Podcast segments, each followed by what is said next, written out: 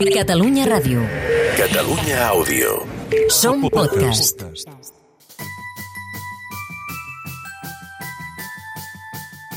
Sants i Estalvis, el programa d'hàbits saludables de Catalunya Ràdio, amb Adam Martín.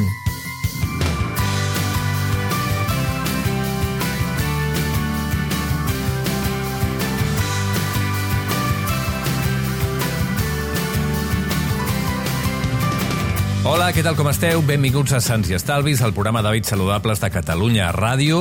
Des de fa molts anys ja, gairebé 8, estem aquí parlant de nutrició, d'alimentació i d'hàbits saludables, sobretot relacionats amb l'activitat física. Des de fa un temps, productes com la quinoa, la col kale, la kale o l'espirulina s'han convertit en sinònim de salut. Són tan bons com diuen què passa si no en mengem? Per què són tan cars? Són realment la clau per una vida més saludable o només són una estratègia de màrqueting? Avui al programa parlarem dels superaliments. Val la pena que hi invertim?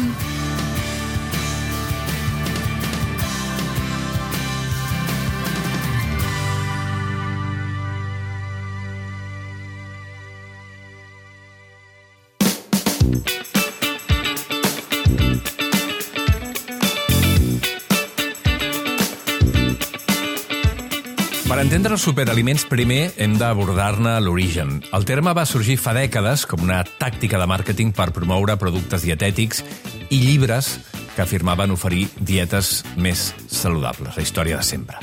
Segons el nutricionista Matt Fitzgerald, al seu llibre Diet Cults, el terme va aparèixer per primera vegada l'any 1947, atenció, per promocionar un muffin, que és el nom que fan servir els americans per referir-se a una magdalena va caure en desús el, la paraula superaliment i a finals dels anys 90 i a principis del 2000 sobretot, la dieta amb superaliments va ressorgir com una arma molt potent de màrqueting. Però existeixen realment aquests superaliments? Segons els experts, des del punt de vista científic, no hi ha avui en dia cap evidència disponible que es permeti dir que sí, que existeixen els superaliments.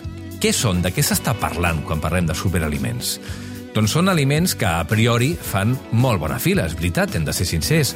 Presenten una concentració de nutrients específics molt elevada i ens prometen beneficis extraordinaris. Malgrat que el tema dels nutrients és cert, no hi ha aliments coneguts que portin megadosis de nutrients essencials amb un efecte beneficiós que estigui demostrat per la ciència. A banda que el romaní, un llenguado o un humil cigró també tenen molts nutrients que són molt interessants i no en diem pas superaliments. Fixeu-vos en això, si el romaní s'hagués descobert a l'Amazònia fa 10 anys, ens el vendrien a preu d'or, dient-nos que conté compostos antioxidants i llegiríem articles parlant de l'àcid rosmarínic o del carnosol i dirien és un diterpè fenòlic que pot ajudar a combatre el dany dels radicals lliures i que té propietats antiinflamatòries. Tot això és cert, no seria cap mentida. Ens estaríem venent un aliment de tota la vida, però amb aquest paraigües, amb aquesta disfressa de superaliment.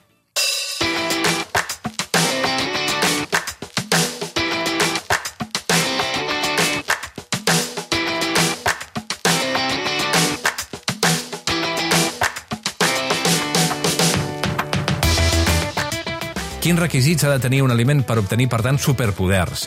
A banda de ser, com dèiem, ric en nutrients, ha de ser exòtic, ha de ser una novetat, ha de tenir un nom poc conegut o ha de ser un aliment que havíem deixat de menjar i que ara hem recuperat. En general, ha de tenir tot allò que en publicitat en diuen storytelling, que, és a dir, que tingui una història, que tingui una narrativa.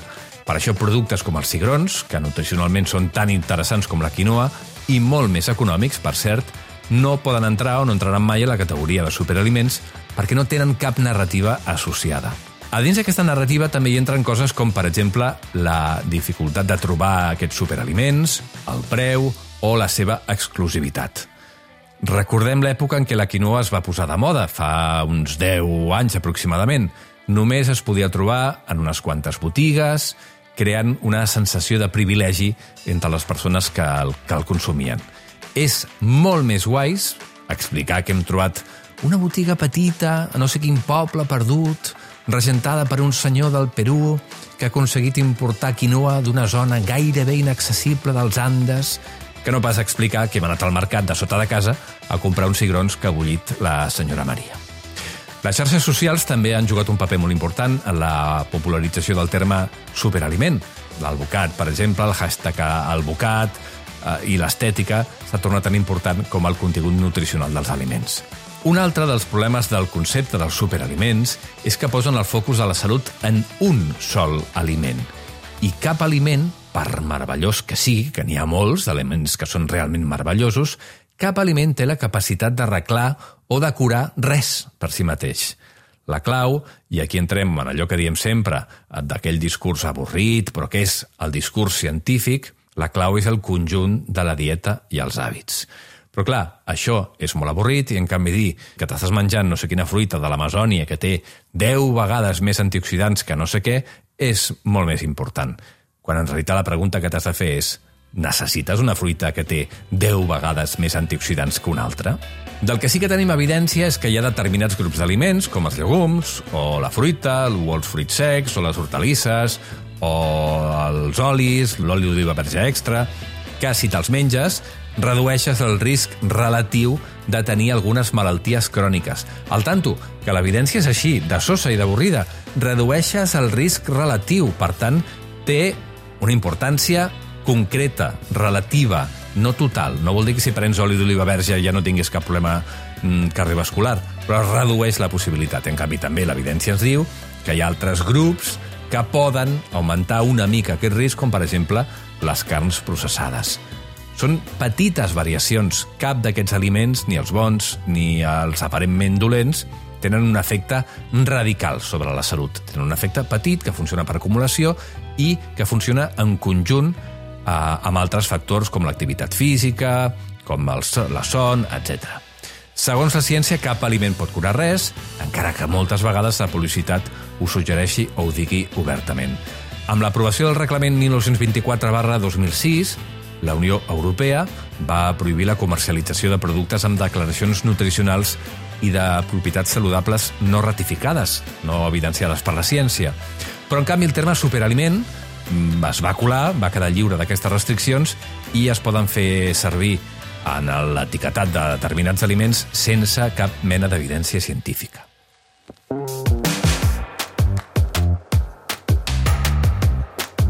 Sants i Estalvis, el programa d'hàbits saludables de Catalunya Ràdio. Parlant d'evidència científica, hi ha estudis que diuen que els superaliments són millors? D'estudis hi ha de tota mena i trobareu estudis que diuen una cosa i la contrària al mateix temps. Primer és molt difícil fer estudis ben fets sobre els beneficis concrets d'un sol aliment perquè, com dèiem, entren en joc molts altres factors. La mida de la mostra, la resta de la dieta, els hàbits de cada persona que participa en un estudi... Per exemple, si un menja albocat i fa exercici cada dia i un altre pren oli d'oliva i s'està tot el dia al sofà, és bastant probable que el que menja albocat no tingui cap problema cardiovascular i el que pren oli d'oliva sí que el tingui. Això vol dir que l'albocat és millor que l'oli per prevenir problemes de cor? O és l'exercici? És el sofà? És la combinació de les dues coses? Ara, si afegim la resta de factors que poden entrar en joc, com el son, els nivells d'estrès, l'alcohol, el tabac, la resta de la dieta, la digestió, la microbiota de cadascú, la genètica... Imagineu com és de complicat arribar a conclusions que siguin realment vàlides. És tan difícil controlar tots aquests factors que és impossible arribar a conclusions que ens permetin dir, amb una evidència científica prou sòlida, que un aliment aconsegueix determinat efecte en el cos. Els estudis que sí que comencen a tenir certa validesa es fan amb moltíssimes persones al llarg de molts anys. Però ni tan sols aquests ens serveixen per establir relacions causa-efecte directa, és a dir, si menges això, et passarà això altre. Si amb aliments com els cigrons o l'oli d'oliva, que fa molts anys que els estem estudiant, no podem dir si menges oli d'oliva passarà això segur, imagineu-vos amb un aliment que només fa 5 minuts que estem estudiant. A banda, molts estudis es basen en investigacions parcialment esbiaixades on els investigadors poden tenir conflictes d'interessos eh, perquè accepten finançament de marques específiques i, per tant, no n'hem de fer gaire cas. Si us plau, tornem a la realitat del dia a dia de l'alimentació. Unes llenties són tan vàlides com la quinoa. La col, una col de tota la vida, és tan vàlida com una col cale, una col kale. Qualsevol llegum del nostre hort és igual de meravellós nutricionalment com aquests aliments tan innovadors i tan suposadament beneficiosos. Ara, això vol dir que els superaliments són dolents? No. No Només estem dient que no són millors, perquè el concepte millor, si no s'aplica en un context determinat, no funciona. Els superaliments sí que són dolents en algunes qüestions. Per exemple, per la teva butxaca. En alguns casos també són dolents per l'economia dels països que els produeixen, com per exemple la quinoa. La moda de la quinoa, que és un aliment bàsic per països com Perú, n'ha disparat el preu i ha fet que s'hagi tornat un aliment de luxe inaccessible per la gent d'allà. No té gaire sentit. És com si de cop i volta a Catalunya una barra de pa hagués multiplicat el seu preu per 100 perquè s'ha posat de moda, no sé, menjar aquestes barres de pa als Estats Units. A més, els superaliments també poden ser en alguns casos dolents pel medi ambient. Com que solen provenir de llocs exòtics, els hem de transportar de molt lluny. A més, també poden contribuir a la sobreexplotació o a la desforestació i poden esgotar recursos si es conreen en llocs on no toca, com passa, per exemple, amb l'alvocat que es cultiva al sud d'Espanya i que fa servir quantitats enormes, ingents, d'aigua. De tota manera, recordem sempre que no hi ha aliments que siguin dolents en si mateixos. Parlo d'aliments i no de productes alimentaris, que això és una altra qüestió. No hi ha aliments perjudicials en si mateixos sempre i quan es consumeixin amb moderació. Una pastanaga és supersana, però si mengem 15 quilos de pastanaga segurament tindrem algun problema. I quan un aliment és especialment ric en nutrients, com passa amb molts superaliments, doncs poden tenir efectes negatius si els consumim en excés. Resumint, i tornem al discurs avorrit però necessari de sempre. L'alimentació saludable no consisteix a buscar dreceres ni a alimentar-se de coses miraculoses, sinó a fer senzillament una dieta variada i equilibrada, on cada aliment aporta determinats nutrients en major o menor quantitat, i la clau es troba en el conjunt, tot això sumat a la resta d'hàbits que tenim. Fins la setmana que ve. Sants i Estalvis, el programa d'hàbits saludables de Catalunya Ràdio, amb Adam Martín.